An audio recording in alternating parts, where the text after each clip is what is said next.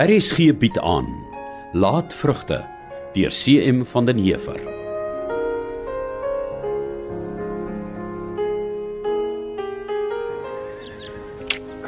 Middag Maria. Middag, Sybrand.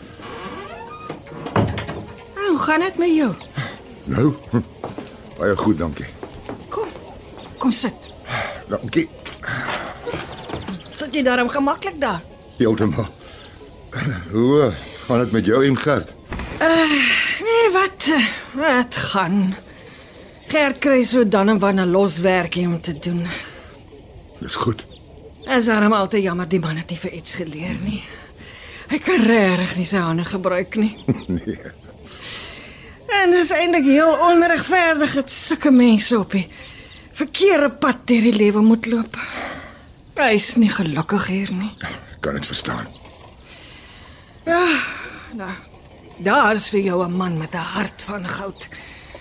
Maar hy's in 'n verkeerde rigting ingedwing. Ja, ongelukkig ja. Maar eh, ah, dit gaan aan. Die Here sorg vir ons. Met was 'n stryk vir die ryk mense van die dorp kan ek darm nie kinders in klere hou. Eh, Dis goed so. Maar ek moet vroeg opstaan en laat gaan slaap. Ek is darm dankbaar jy het nie 'n ledige stoepsitter geword nie. Hey, weet dit sit nie in ons bloed om vatsig te wees nie. nee, nog nooit nie. En Nee, Ek is ook nie bang om te werk nie. Daarvoor lewe 'n mens tog, né? Arbeid adel. Ja, Maria. Wat sê eers vir my, hoe gaan dit met jou? Hm? Jy het mos nou weer 'n 'n jong vrou. Ja, dit gaan aan, dankie. Dit gaan aan. Jy lyk vir my soos 'n gelukkige bruidegom behoort te lyk nie. Ek meen, julle is mos eintlik maar pas getroud. Die witte brood behoort nog vars in die geheue te wees dan nie? Ag Maria. Miskien hoef ons nie vandag oor Maggie te praat nie. Wat sê jy? Net Nee, toe maar. Ek verstaan, ou broer, ek verstaan. Ja, jy het oud geword. Jy's heel grys langs jou slape. Ja. Die tyd staan ook nie stil nie. Jou haar is ook al heel grys sien ek. Ja.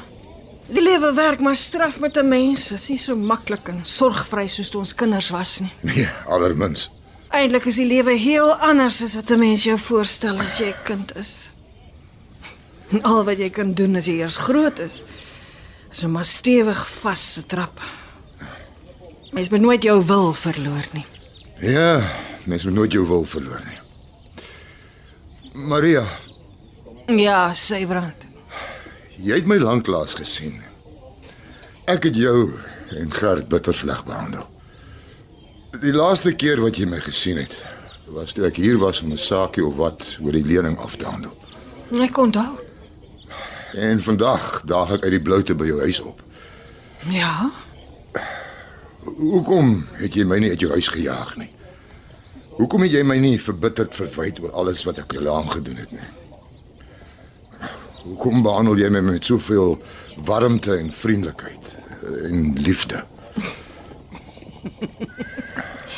Het jy dan vergeet, Sybrand? Wat vergeet? Die liefde is lankmoedig en vriendelik. Soek nie sy eie belang nie. Word nie verbitterd nie. Hy reken die kwaad nie toe nie. Jy was nog altyd 'n beter mens as ek. Jy en Gert. Nee, wat sê brand. Ons is maar net vergewe. Daarom moet ons ook vergewe. Dis so maklik. sien jy? Ja, ek sien Maria. Ek is bly ons verstaan mekaar tog, ondanks alles wat voorgeval het. En ons is albei uit dieselfde harde hout gesny. Ja. En die lewe het uiteindelik vir my ook 'n paar dinge geleer gekry. Uiteindelik.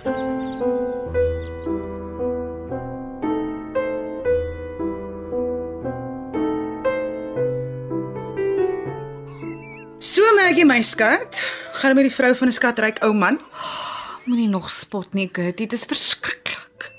Ag, ek is so bly ek kon Boskloof toe kom. Ek moes net met iemand praat wat my verstaan. Gertie Elers tot die 10. Ag man, En waar is die ou oom vanmiddag? ag, kan maar gaan dip goed koop vir sy skape, maar ek sweer, Hy's dorp toe om met die prokureur te gaan praat oor sy testament. Nou, dis mos goed. Is dit nie? Nee. Sy dik ou dogter en haar maarval mannetjie was vanmôre hier om te kom kla oor hy die testament verander het dat ek nou die helfte van die losgoed kry. Ek weet sy te hou vas op die ou man.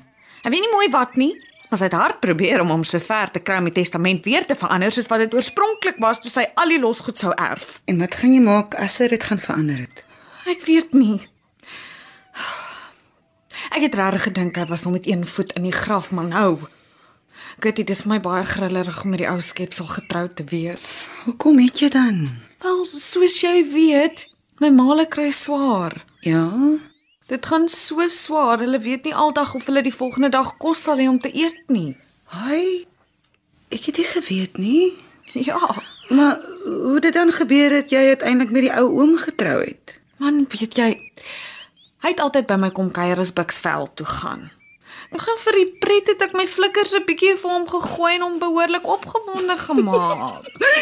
O, jou vreeslike vrou. Ja, maar toe's Bux mos skielik dood en ek was bang die ou man gaan 'n oorlas van homself maak. Toe trek ek terug na my maale toe. Ek onthou ja. Hy weet jy, baie keer net sy omtrent kan stypak kry van opgewondenheid as ek so naby hom staan en aan hom vat. Dan sê ek kan maar bang ek hoor of sien Bux aankom. Dan sy soos blits uit die huis. Ek sou dit graag wou sien. In elk geval, sal jy my glo. Ek weet nie of ek eers 'n week terug by my maale was nie, toe die ou man waaragtelik na ons huis toe gekom om vir my te kom kuier. Wat?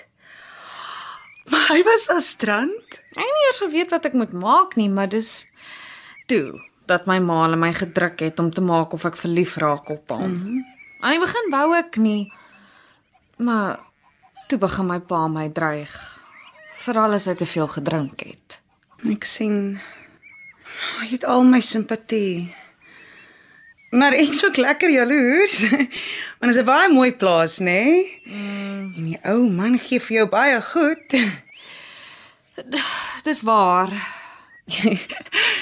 Jy draai hom seker lekker om jou pinkie, nê? Nee? Dis die maklikste ding onder die son, hy eet uit my hand. So wat pla. Hoekom wil jy hê ek moes hierheen kom? Ek voel ingehok. Hier's niemand van my ouderdom om mee te praat nie. Ek kan nie vir Dries sien wanneer ek wil nie en glo my, ek sou veel eerder met hom getroud wou wees as met ou Sybrand. Ja, nee, suster. Kyk. Konstabel Dries kan my maar enige dag kom arresteer en lewenslank opsluit in sy huis. O nee, jy los Dries uit. Ek moes nie ernstig hê, Maggie. Jammer. Jammer, ek weet. In ieder geval, Dries kom partykeer Boskloof toe, maar dis 'n groot waagstuk want ons weet nie altyd wanneer ou Sybrand skielik besluit om huis toe te kom. Jy het maar nog altyd daarvan gehou om die kat in die donker te knyp, nê? Nee? Jy sal seker nooit verander nie. Nie solank daar aantreklike jong kerels rondloop nie. Dankie. Wat's verkeerd met jou? Jy lyk of jy iets of iemand verwag is. Jy bang die ou man kom skielik terug en vang my hier. Nee, d- dis nie dit nie, dit dis Wat? Ek het jou mos gesê Sybrand se dik dogter was hier saam met 'n verlepte ou mannetjie. Ja. Wel, ek en sy het begin stry oor die testament. En toe het sy 'n vloek uitgespreek oor my en Sybrand. 'n Vloek. Ja, Jy glo tog nie in sulke onsin nie. jy ken nie daardie vrou nie. Ek hoor sy het ou Sybrand se vrou se dood voorspel op sy ma se begrafnis. Dit is sommer bogstories man. En sy was reg. En terwyl ek en Bix in Sybrand se ma se huis gebly het, was ek doodsbenoud om saans te gaan slaap. Hoekom? Wel, dit spook in daardie huis. Oh, skus. Skus, maar ek het nie geweet jy is so bygelowig nie. Man, ek's nie bygelowig nie. Weet jy hoeveel van die plaaswerkers het op 'n streep geloop oor die goed wat hulle snags op die werf en deur haar kombuisvenster gesien het? Ag nee. Jy seker nie ernstig hè? Ek is. Nou, wat het die ou dikke gesê wat jou so benoud gemaak het? My ma het my van kleins af geleer daar's goed waarmee jy nie te mekaar moet raak nie. Soos wat? Ou weewenaar. Man, dis nie snaaks nie, Gertie. Ja. Jammer. Ek's geleer daar's donker bo-natuurlike magte en dwaalgeeste. Maar dan is jy mos bygelowig. Nee, ek is nie. Jy weet nie waarvan jy praat nie. Goed, ek's jammer. Vertel maar klaar. Nee, ek dink nie dis 'n goeie idee nie. Jy sal net weer vir my lag. Beloof ek sal nie en ek sal ook nie grappies daaroor maak nie. Ek het al baie stories gehoor van dodes wat nie kan rus nie en wat hulle kom wreek omdat iemand 'n onreg teen hulle gepleeg het. As jy seker dit was nie net 'n toeval nie of mense met skuldige gewetes wat hulle maar dinge verbeel het nie. Nee, ek glo baie sterk in iets soos 'n vervloeking. Hoekom? Want my oupa het my pa vervloek omdat hy so permantig was. En van toe af het alles verkeerd geloop. My pa het sy plaas verloor en hy kon net nooit weer op die been kom nie. Die vloek bly hom agtervolg. Maar baie mense verloor hulle plase. Dis nie toeval nie, Gertie. Hoor wat ek vir jou sê en glo my, dit was baie erg in daardie huis waar ek en Pix gebly het. Ouma Willa het so waar as wat ek en jy hier sit in daardie huis rondgedwaal. Sy het niks daarvan gehou dat daar iemand anders in haar huis was nie, niks nie. En na die vloek wat Annie uitgespreek het vanmôre. Dis nou die ou dikke. Ja, Wat het sy gesê? Sy het gesê hierdie vreeslike onreg sal gewreek word. En haar ma, ou tant Betta, sal nie in haar graf rus nie. Sy sal haar kom wreek. En toe sê sy, ek sal ook nie rus hê nie. En jy glo dit sal waar word? Natuurlik. Ek weet jy glo nie aan sulke goed nie, Gertie, maar ek weet dis waar. En ek's bang. Wat gaan jy maak? Ek weet nie. Ek weet regtig nie.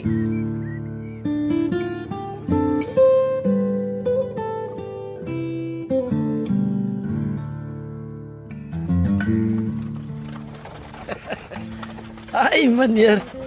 Dit was vir my lekker om mevrou Maria weer te sien. Sy's maar nog net dieselfde mevrou Maria van lank terug. Ja, net 'n ouer en gryser. Ja. Ah, die lewe werk nie sagkens met ons nie. Nee meneer. M met permissie meneer. Ja, Ek wil nou nie uit my beertyd praat nie. praat maar. Daar's 'n bietjie lig in meneer se oë van ons by mevrou Maria was. Nee. Ja meneer.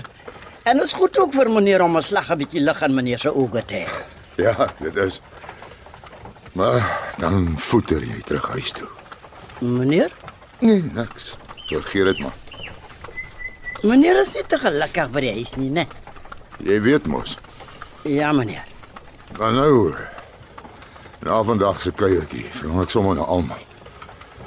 Na Betta en Henning. En Annie, my ma, Maria. Tot nou Gert en die vatsige Henny ook. Ag Januarie, ek mis almal. Tot vir ou Spanto en Kiewit hulle ook. Ag, toe maar, meneer. Ek mos daarom nog hier om vir meneer 'n oor te wees. Net wanneer meneer een nodig het. Dankie Januarie. Baie dankie.